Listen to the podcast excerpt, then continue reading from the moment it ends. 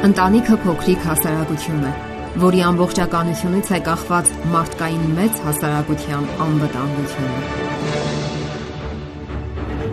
Ընտանիք հաղորդաշարը կօգնի ձեզ իմանալու ընտանեկան երջանկության գաղտնիքները եւ ընտանիքում հասնել բարօրության եւ երջանկության։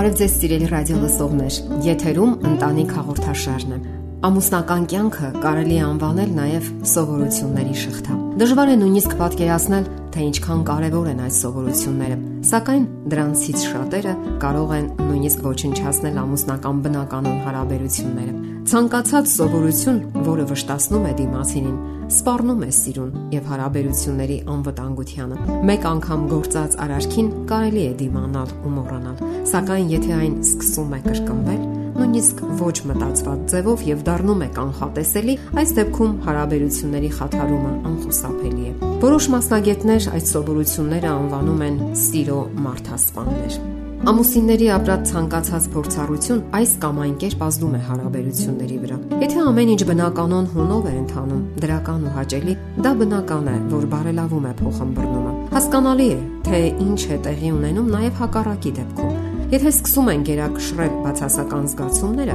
ապա ամուսինները կարող են նույնիսկ ատել միմյանց։ Այդ ժամանակ ամեն արարք, նույնիսկ ամենաանմեղը կամ անգիտակցվածը կարող է ընկալվել որպես անսիրտ եւ անհոգի խոսենք մի քանի այդպիսի սովորությունների մասին, որոնք կարելի է անվանել նաև քայքայիչ սովորություններ։ Սիրո ամենատարածված մարդասպաններից մեկը փնփնթոցն է։ Այն առավել հաճախ օգտագործվում է կանանց կողմից, թեպետ տղամարդիկ էլ բացառություն չեն։ Փնփնթալ նշանակում է անընդհատ բողոքել, տրտնջալ, անընդհատ ինչ-որ բան պահանջել։ Դեռ հազարամյակներ առաջ իմաստուն թակավոր Սողոմոնը գրել է. Անդադար ծլծլոցը, անձրևոտ օրը եւ կռվասերկինը իրար նման են, ով որ նրան ծածկի, քամի է ծածկում։ Նշանավոր հոգեբաններից մեկը մանրակրկիտ հետազոտության է ենթարկել հազարավոր ամուսնություններ եւ ողրզել, որ փնփնթոցը կանանց առավելագույն վատ թարթերությունն է։ Դա հաստատել են նաեւ սոցիոլոգիական հարցումները, ըստ որոնց դա կանանց թերությունների մեջ առաջինն է կանանց բողոքների բնորոշ օրինակները մոտավորապես այսպիսի տեսք ունեն։ Նա երբեք չի նորոգում տունը, երբեք ինձ որևէ տեղ չի տանում։ Առավոտյան ուշ է արթնանում, մինչև ուշ գիշեր հեռուստացույց է նայում։ Երկար է մնում համակարգչի առաջ, չափազանց վաղ է արթնանում, անիմաստ ծախսում է գումարները, չի խոսում ինձ հետ, չի հասկանում իմ զգացմունքները, ուշադրություն չի դարձնում երեխաների վրա, մոռանում է ծննդյան օրերն ու տարելիցները հաճելի խոսքեր չի ասում։ Այս ցանկը կարելի է երկար շարունակել։ Յուրաքանչյուր ընտանիք ունի միայն իրեն հատուկ հիմնախնդիրները։ Երբեմն կանայք բողոքները կամ խորհուրդները համարում են սիրո նշան, սակայն տղամարդիկ այդպես չեն համարում։ Կանայք պետք է մի չգրված կանոն յուրացնեն, որով ապրում են տղամարդիկ։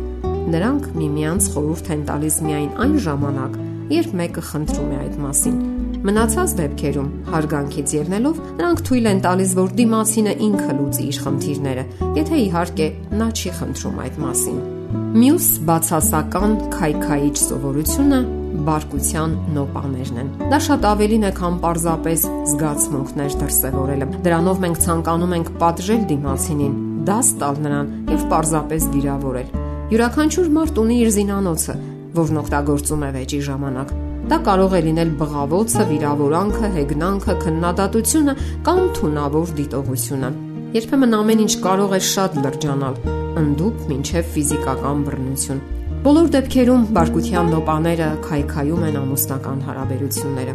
Մեզանից յուրաքանչյուրը կարող է վիրավորել ամուսնուն շատ ավելի խոր եւ նուրբ ձևով, քան որևէ այլ մեկը։ Այստեղ շատերն իհարկե կարող են համարել, որ իրենց բարկությունը շատ տեղին է եւ որ իրեն պարզապես հրահրել է դիմացինը։ Թեպետ երբեմն բարկությունը կարող է արդարացված լինել, այնուամենայնիվ ճնշող մեծ ամասնությամբ այն այլանդակ դրսևորումներ է ստանում։ եւ սովորաբար ավելի մեծ հիմնախնդիրներ է ծնում ապագայում։ Բարկությունը ոչ միայն վիրավորում է դիմացինին, այլ նաեւ տհաճ կողմերով է ներկայացնում հենց իրեն բարկացողին։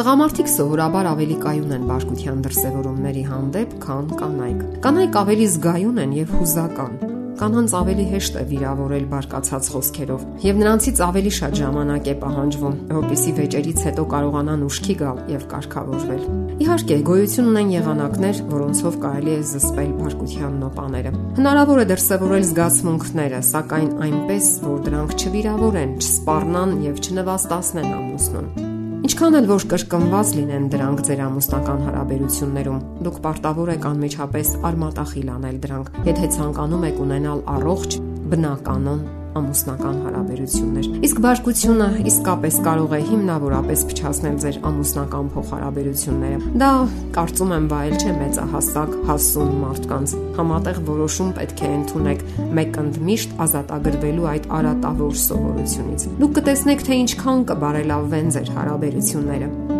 մտածեք նաև այլ վնասակար սովորությունների մասին, որոնք կարող են լրջորեն վնասել ձեր ամուսնությունը։ Համատեղ դուք շատ բանի կարող եք հասնել։ Փորձեք եւ կտեսնեք։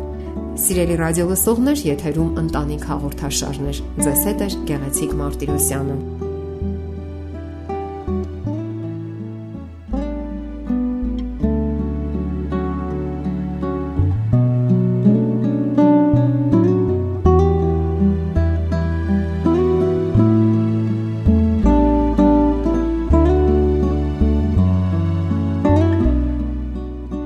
Օշնյալ է տունը, տան մեջ ընտանիքը,